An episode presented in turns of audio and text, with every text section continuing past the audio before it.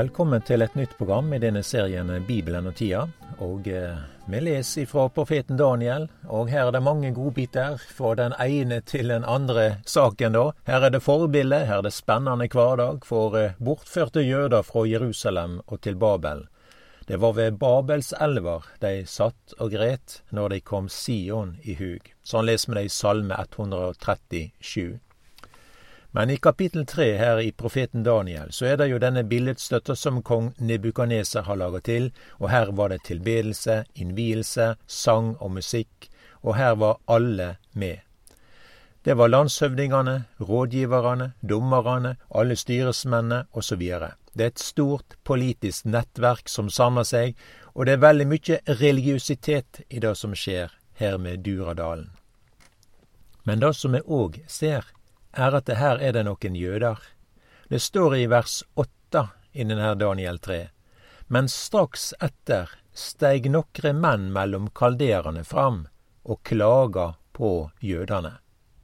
Og det som vi ser her, er at det er ikke noe nytt under solet. Det er ikke første gangen det står fram noen og klager på jødene.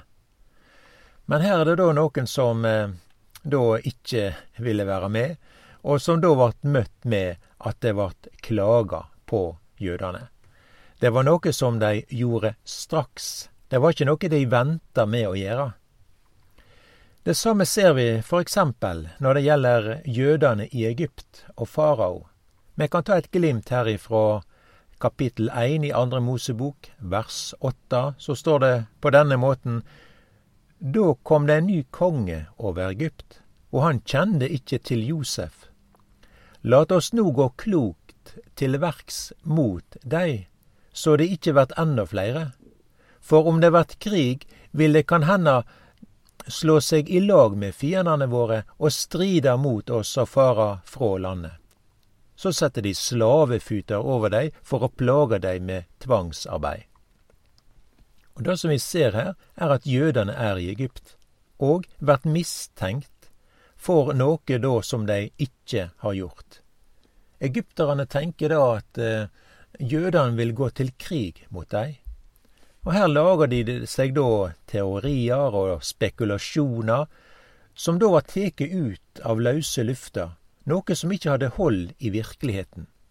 Tiltaket som da egypterne da gjorde, var å plage jødene. Men når vi leser dette her, altså, så, vi må jo bare sette store spørsmålstegn med det som her blir eh, sagt og gjort. Hva gale er det jødene hadde gjort her mot egypterne? Det samme leser vi om Josef når han havna i Egypten. Da var det kona til Potifar som la sin elsk på denne ungdommen, og beskylda han for noe som han ikke hadde gjort. Vi ser i Fjerde Mosebok, kapittel 23, da det er Balak-kongen, kongen kongen i Moab. Han sier da til Biliam at han må komme og forbanne Jakob og tale vondt om Israel. Vi kan jo undres over hva som var grunnen til det. Israel hadde ikke gjort noe som skulle vekke korkje eh, sinne eller opprør hjå andre folk og konger. Og det som skjer, det er ut av lause lufta. Og så vil de da forbanna jøden og Israel. Det er det samme vi ser i Duradalen. Og her er det da kongen i Babel som går da i gang med denne billedstøtta. Og så var det tilbedelse, og det var innvielse, og midt oppi dette her så blir det da reist et klagemål mot jødene. Og det er jo ikke underlig at salmisten ber i bøna si i Salme 120, Herre, fri meg fra ei leppe som lyg. Og det er jo ikke noe nytt at rådgivere og folkevalgte og andre styrende organ samler seg og fører anklager mot jødene og Israel. Det ser vi også i dag. Da er det FN eller andre organ som er oppnevnt av FN, som da gjør det på samme måten og fører anklage mot jødene. Det, det er mange konflikter i verden som jødene får skylda for. Det har vært pest og virus og naturkatastrofer, og, og det er det samme hele tida. Det er jødene som er årsaken til det. Det samme ser vi med Midtausten og det som har med verdenssituasjonen Ja, det er jødene og Israel som er årsaken til det, og det er det som da truer verdensfreden.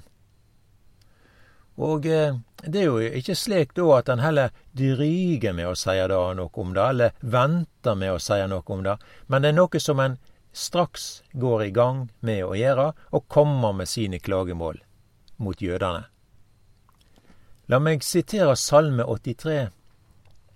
For sjå, fiendene dine larmer, de som hater deg løfter hovedet. Med svik legg de løgnlige planer mot ditt folk, de legg opp råd mot dei du vernar. De sier, Kom, lat oss slette de ut, så de ikkje er et folk mer, slik at ingen lenger kjem Israels navn i hug. Og eh, det er jo på en måte salmisten, sånn, sånn, sånn sier han det. Og det er jo identisk med det som vi leser fra Daniel kapittel 3. Og det er ikke noe nytt under sola og det er Israel og jøden som er gjenstand for anklagene. Vi kan òg gå til Salme to. Der står det Kongene på jorda reiser seg, og fyrstene legg planer saman mot Herren og mot den han har salva. Lat oss sprenge dere bann og kaste dere reip av oss. Så det er veldig underlig at det, det jødiske folket, som, eh, og òg det som har med landet Israel og byen Jerusalem, skal være gjenstand for så mye klage og falske beskyldninger. En lager teorier og for så å føre sak mot Israel. Vi ser det òg i den sammenheng som har med innledninga her til kapittel tre i profeten Daniels boke. Det er jo likt òg Vi kan jo ta Ester, for eksempel, dronninga i det persiske riket. Her ble det òg ført klagemål mot jødene. Vi ser det samme mot ro, romerne òg, da det med Jesu krossfestelse og dom på Golgata. Det er fra dommersetet denne Pilatus sier at 'jeg finner ingen skyld i han'. Likevel ropte folket, jøden, bort med han, krossfest han. Det var ingen rettsvesen verdig det som gikk føre seg når de dømte Jesus til døden. Men det var et forsøk på å rydde bort den salvede men det var ingen som kunne stoppe Guds frelsesplan. Og det som er hovedgrunnen til alt det som har med Israel og det som ellers skjer med Jerusalem, det er fullt og helt med Bibelen og det profetiske ordet å gjøre. Bibelen forteller at Jesus skal komme att, og det er Jesus sjøl, den salvede, som skal komme til Oljeberget da. Og Derfor er det veldig mye politikk rundt det som har med Israel, men politikken er bare et skalkeskjul det som er saken, er at Gud er på bana. Og eh, snart vil det være klart for det som har med hans, eh, ja, Jesu tilbakekomst på verdensarenaen og Oljeberget. Og det er jo opplagt da at dette her da er det mange som vil forhindre. Og da blir det ført anklager mot Israel. Jøden må bort fra landet. Og Jerusalem. Og så blir det da sett og hørt forskjellige forslag, og det er politiske tiltak for å hindre Jesus sin gjenkomst. Og da er det jødene som får høre klagen, og kjenner på alle de tiltak mot seg. Det er ikke noe nytt under solet. Og når det gjelder denne billedstøtta som står der i Duradalen, vi kan, vi kan legge merke til en ting, og det gjelder målene og lengdene på, på billedstøtta. Det står Kong Nebukaneser laga ei billedstøtte av gull 60 alner høg, 6 alner brei, og sette henne opp i Duradalen i Babel-provinsen. Legg merke til måla som står, 60 alner høg, 6 alner brei. Jeg vil òg at du kan legge merke til alle de navngjevne instrumentene som er omtalt, og det er i vers 5 her.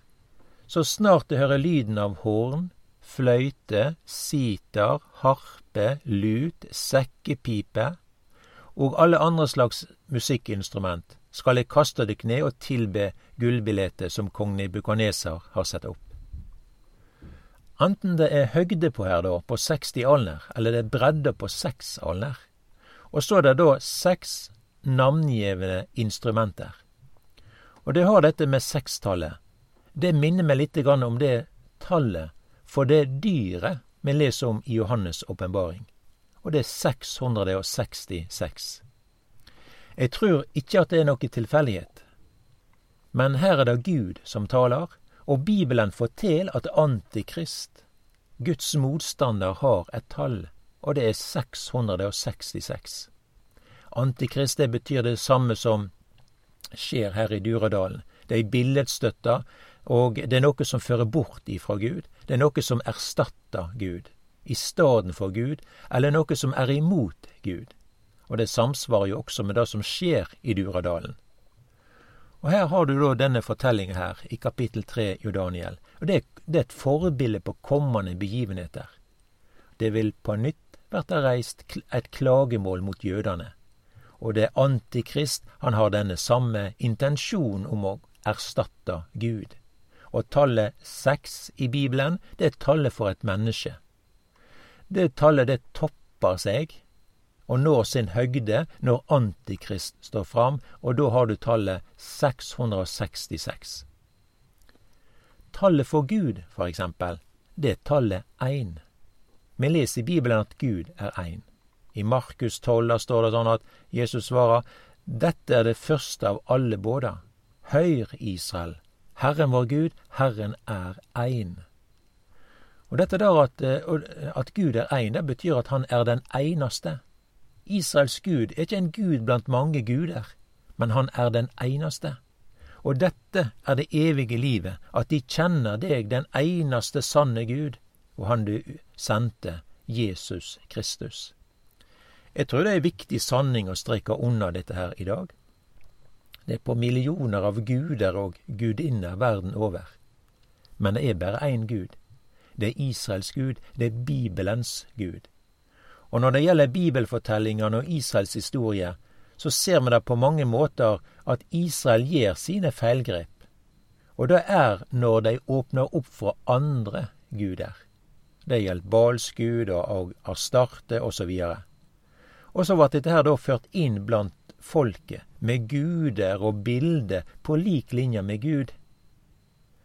Profeten han må gå ut og fortelle dette til folket, at Herren var Gud, Herren er ein, den einaste.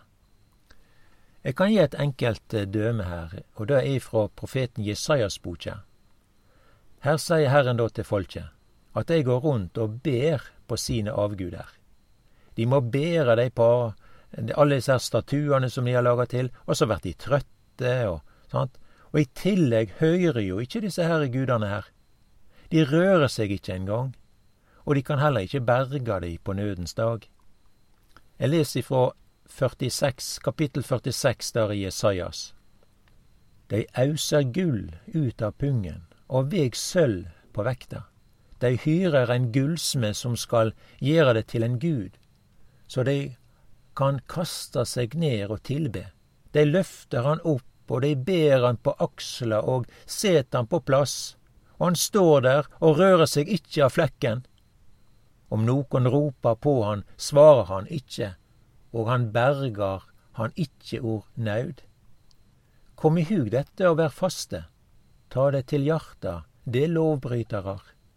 Kom i hug det som hender for eldgammal tid, at eg er Gud, og ingen annen. Eg er Gud, og det er ingen som eg. Eg som fra opphavet forkynner enden, og fra fordums tid det som ikkje har hendt. Det er eg som sier mitt råd skal verta fullført, og alt det eg vil, det gjør eg. Og på mange måter er det dette her òg som skjer i Babel. De lager seg et bilde, de, de må løfte på bildet, og de synger til bildet, men bildet hører jo ikke. Så kjem da Herren og sier disse tingene her, at Han er ein Gud som de ikke treng å gå rundt og bære på. Gud trenger ikke bærehjelp for å flytte seg fra den ene plassen til den andre. Her er det annerledes. Her er det Gud som bærer folket sitt, som verner om folket sitt, og som hører når folket ber, og er en redning på nødens dag. Israels Gud er den som alt for enden har forkynt det som skal komme.